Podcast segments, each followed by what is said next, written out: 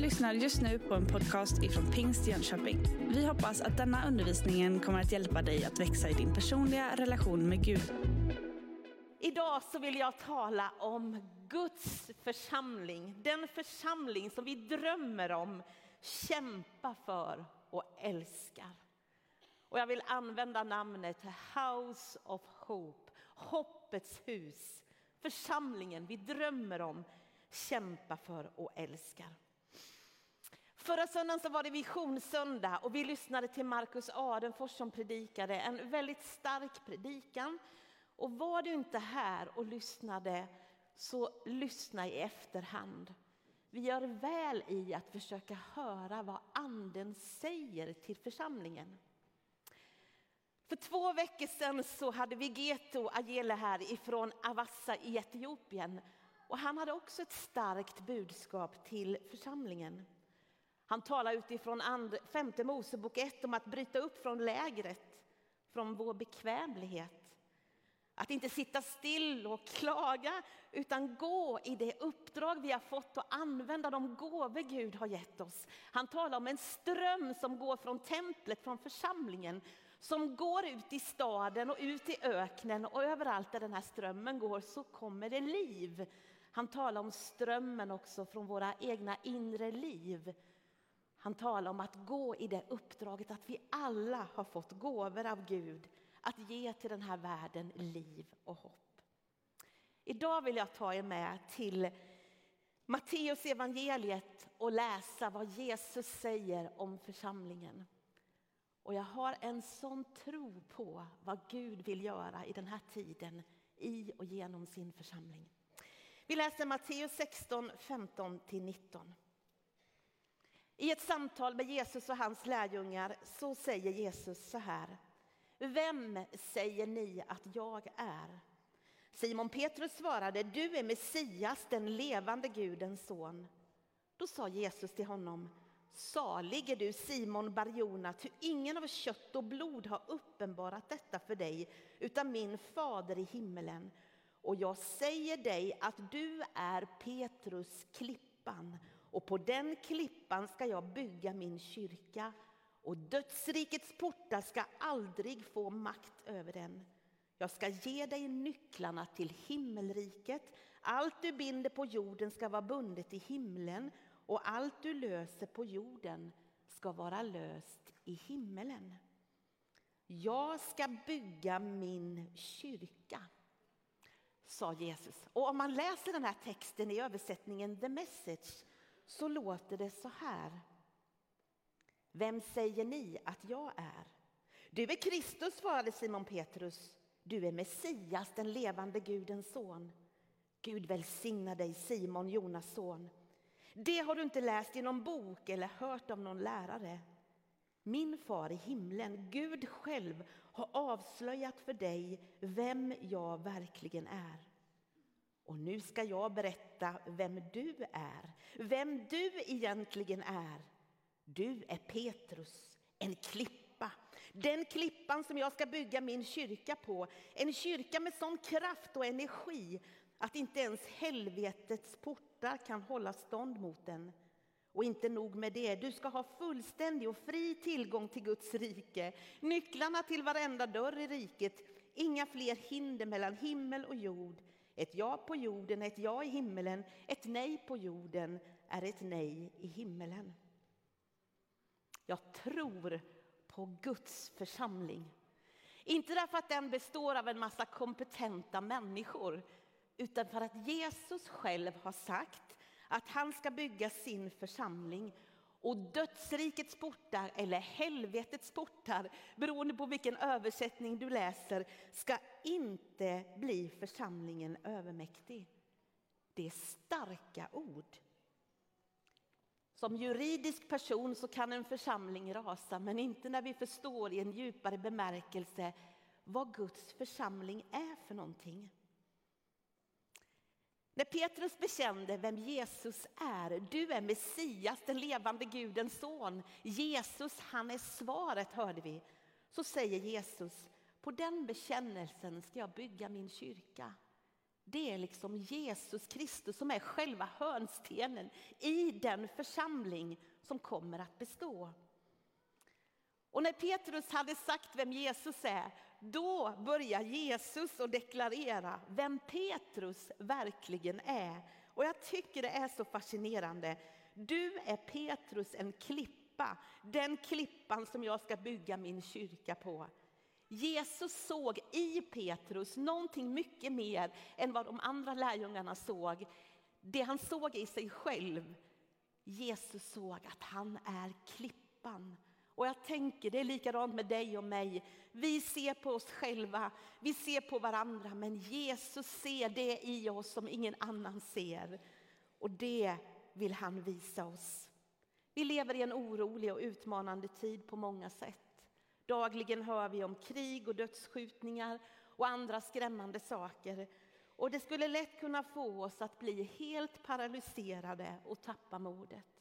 I våra egna liv, i vår egen omgivning så kan vi möta mycket som är svårt och som vill få oss att tappa modet.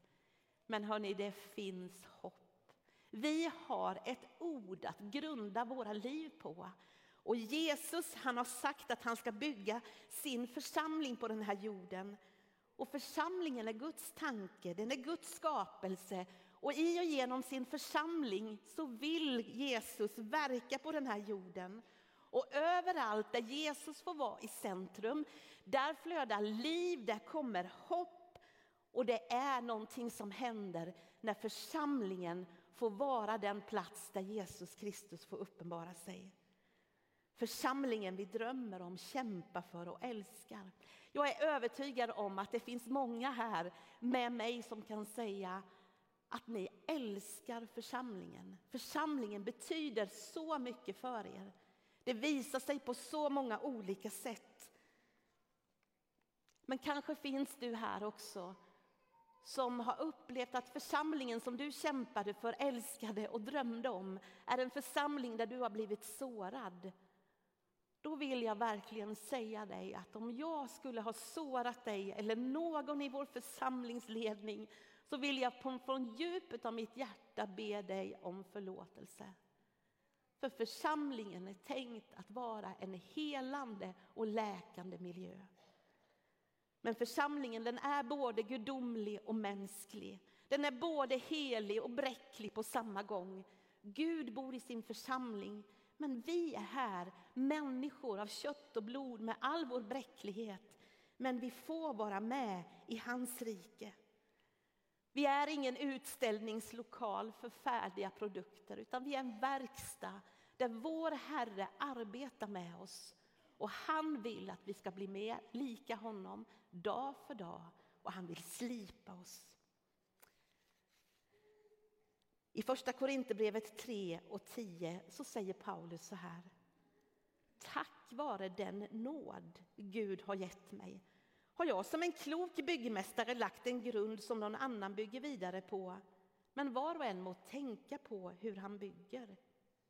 Ingen kan lägga en annan grund än den som finns och det är Jesus Kristus. Och på den grunden kan man bygga med guld, silver eller ädelstenar, trä, gräs eller halm.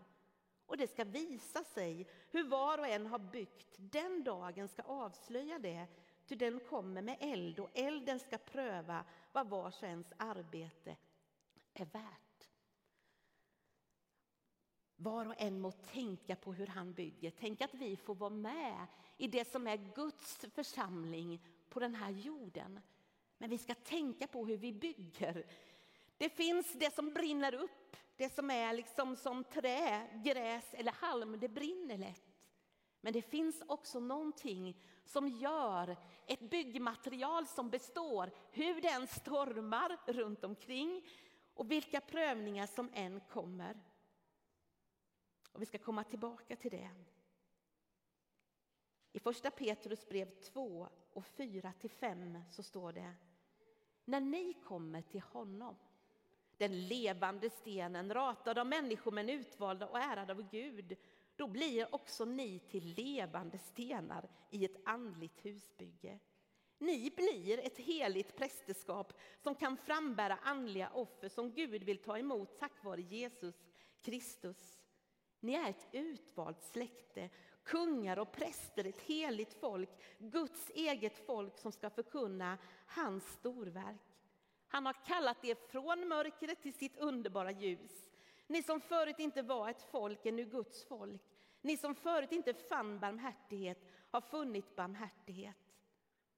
Här talas det om församlingen som ett husbygge, en byggnad där Jesus är hörnstenen. Och om Jesus är hörnstenen i församlingen och i våra liv, då kan det inte gå snett, utan då har vi byggt rätt från början. Vi blir levande stenar.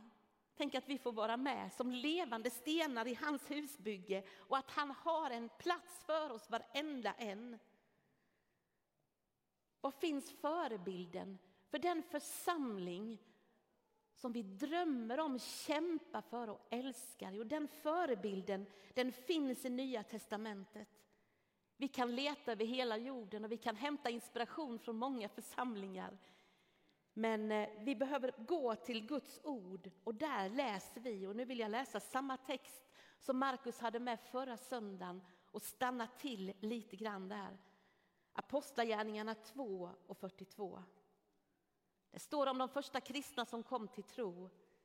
De deltog troget i apostlarnas undervisning, den inbördes hjälpen i brödbrytandet och bönerna. Alla människor bävade. Många under och tecken gjordes genom apostlarna. De troende fortsatte att samlas och hade allting gemensamt. De sålde allt vad de ägde och hade och delade ut åt alla efter vars och ens behov. De höll samman och möttes varje dag troget i templet och i hemmen bröt de brödet och höll måltid med varandra i jublande uppriktig glädje. De prisade Gud och var omtyckta av hela folket och Herren lät var dag nya människor bli frälsta och förena sig med dem. De här byggstenarna handlade om, eh, handlade om eh, undervisningen, bibelordet. Den inbördes hjälpen, brödbrytandet och bönerna. Bygger vi så, så kommer det att tåla både prövning och eld i våra egna liv och i vår församling. Apostlarnas undervisning.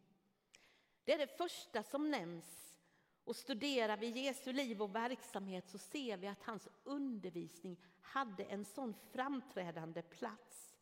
De första kristna de kallades för lärjungar, elever. Undervisningen i alla tider i församlingens eller i kyrkohistorien när det här bibelordet har satts på undantag så har det varit svaghetsperioder. Men när det här ordet har lyfts fram som centrum i människors liv och centrum i den kristna kyrkan, då har det kommit förnyelseperioder.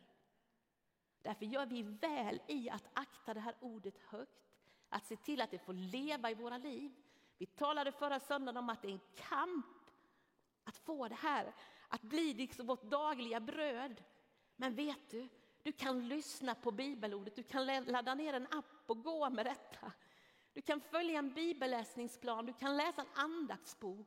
Se till att den näringen du får i dig bland allt annat får vara Guds ord, att det får ha en plats i ditt liv.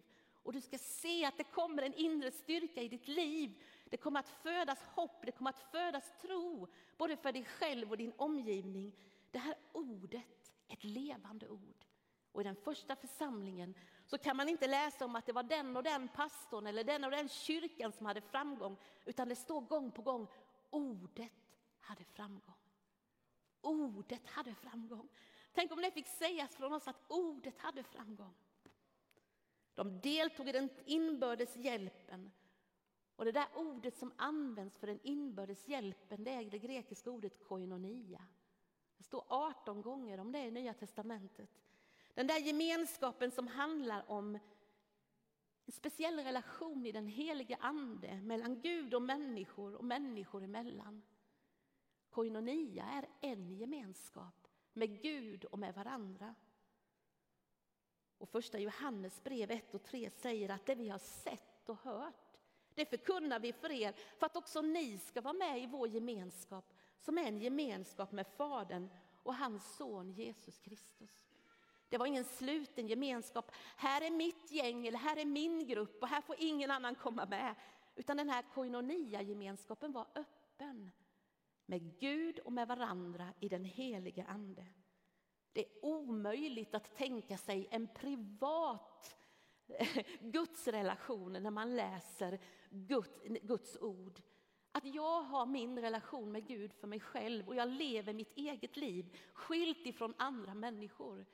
Utan när vi döps så döps vi till Kristus, vi döps till hans Kristi kropp och vi blir lemmar i samma kropp, vi blir levande stenar i ett husbygge. Vi hör ihop. Och det var väldigt tydligt i den första församlingen. Och det här är en, en sån utmaning i den tid vi lever i, i vårt land som är det mest individualistiska landet i hela världen. Vi är annorlunda mot våra bröder och systrar från andra länder. Vi är annorlunda om man läser Bibeln. Men vi skulle behöva omvända oss ifrån ett individualistiskt liv till ett liv i gemenskap med Gud och med varandra. Till relationer bort ifrån ensamheten och där jag ska klara mig själv. Du vet, det finns någonting i denna församling där det står gång på gång att vi har ett ansvar, ett uppdrag som sträcker sig till varandra. Och det är något fantastiskt i detta. 50 gånger så står det att vi ska tjäna varandra, uppmuntra varandra, hedra varandra, bära varandras bördor. Ett citat ifrån Rick Warren som har skrivit en bok som heter Leva med mål och mening. Han skriver så här. Faktum är att alla behöver och önskar bli älskade. Och där det finns en kyrka där medlemmarna verkligen älskar varandra och bryr sig så måste man nästan låsa dörrarna om man ska hålla dem därifrån. Vet, kärleken är så stark, den är så attraktiv. Vi människor, vi behöver kärl älska varandra, ge varandra hopp. Guds ord säger gläd er med dem som gläder sig, Romarbrevet 12 och 15. Första Korinthierbrevet 12 säger lider en kroppsdel så lider också alla andra. Och Galaterbrevet 6 och 2 bär varandras bördor så uppfyller ni Kristi lag. Den inbördes hjälpen. Alltså det här var ingenting som var liksom vid sidan om utan det här var församlingens DNA.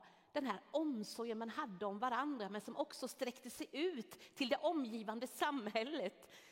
Och det står att alla människor bävade man var omtyckt av hela folket. Det här var en sån stark kraft som kom från församlingen som förvandlade samhället.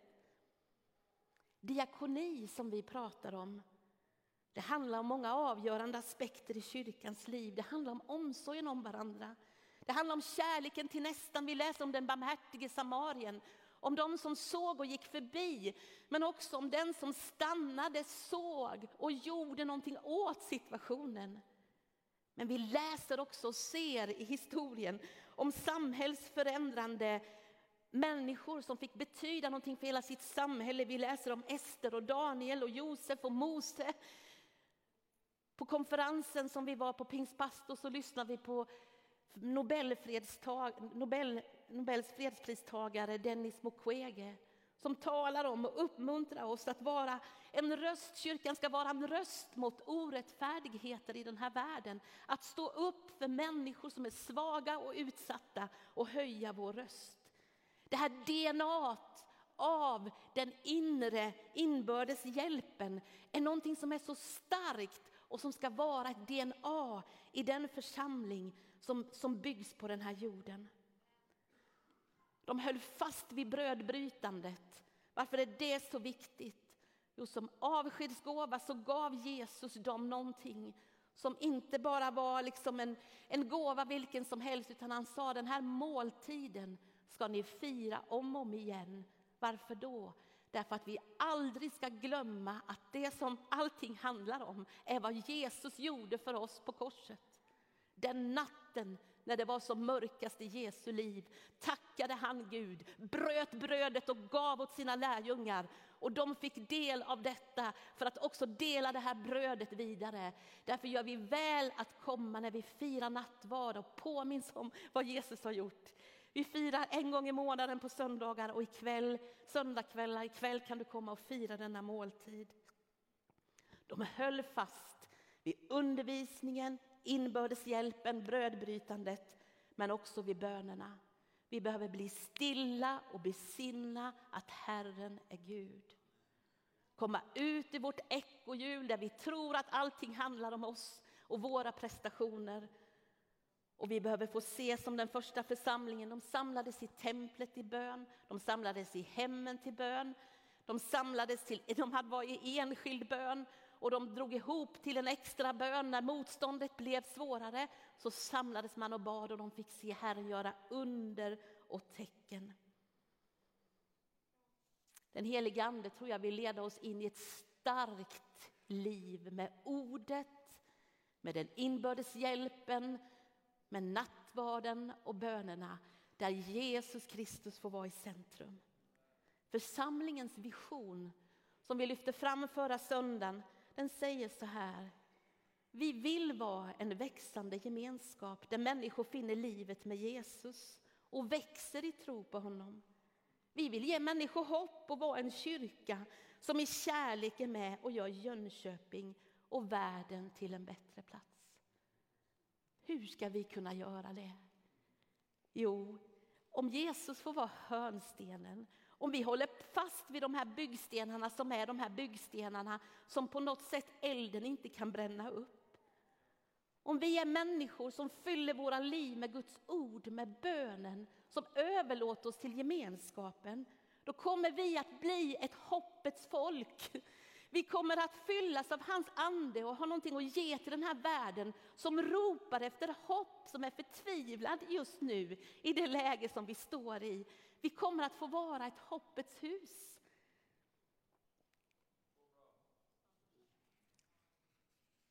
I hoppets hus, i den församling jag drömmer om, kämpar för och älskar. Där pågår det varje dag bön och bibelläsning. I våra egna liv, i det vi gör tillsammans. Där kommer vi tillsammans. Vi kan liksom inte vara hemma när det är gudstjänst, utan då kommer vi. Man vet aldrig vad Herren kommer att göra. Men vi längtar också efter att få lov att sjunga tillsammans, att få möta varandra. Vi kommer samman. Under veckan så finns vi på olika arbetsplatser, i olika hem. Vi kommer och sluter oss samman i bönen.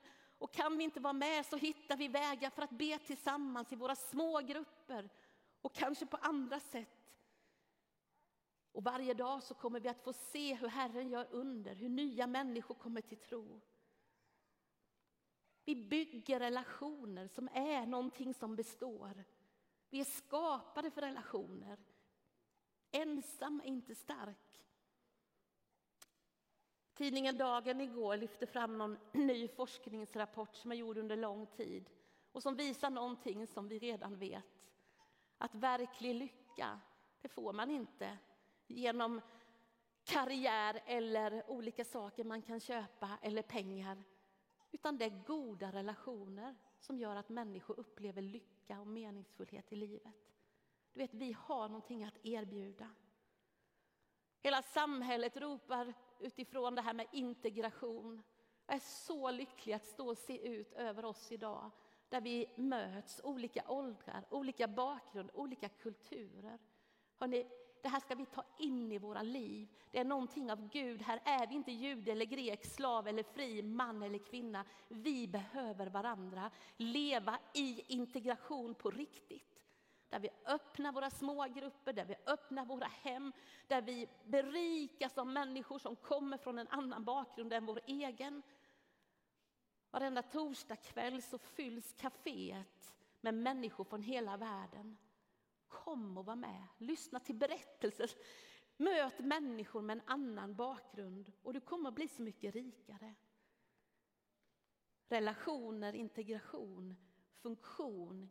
I den här församlingen så får vi vara i funktion.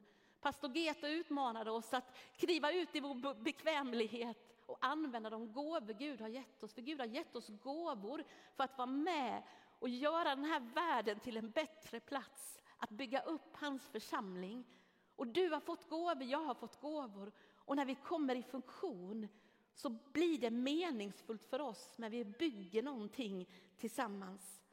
Och vi samverkar, vi samverkar med varandra. Vi står inte i våra egna stuprör utan vi jobbar tillsammans. Eh, kom. Den sista versen så står det att Herren lät var dag nya människor bli frälsta och förena sig med dem. Och jag tycker det är så underbart att det står att Herren lät var dag nya människor bli frälsta och förena sig med dem. Alltså de var beredda att ta emot människor. De hade, liksom, de hade en rytm i sina liv av bön, av inbördes hjälp, av brödbrytande och undervisning. Och människor kom, människor blev en del av den här gemenskapen. Och jag tror att Gud han vill fortsätta göra detta och att vår församling ska få vara ett house of hope, ska få vara en församling som ger hopp till den här världen. Du har just lyssnat på en podcast ifrån Pingst Jönköping. För att få reda på mer om vilka vi är och vad som händer i vår kyrka så kan du gå in på pingstjonkoping.se eller följa oss på sociala medier via pingstjkpg.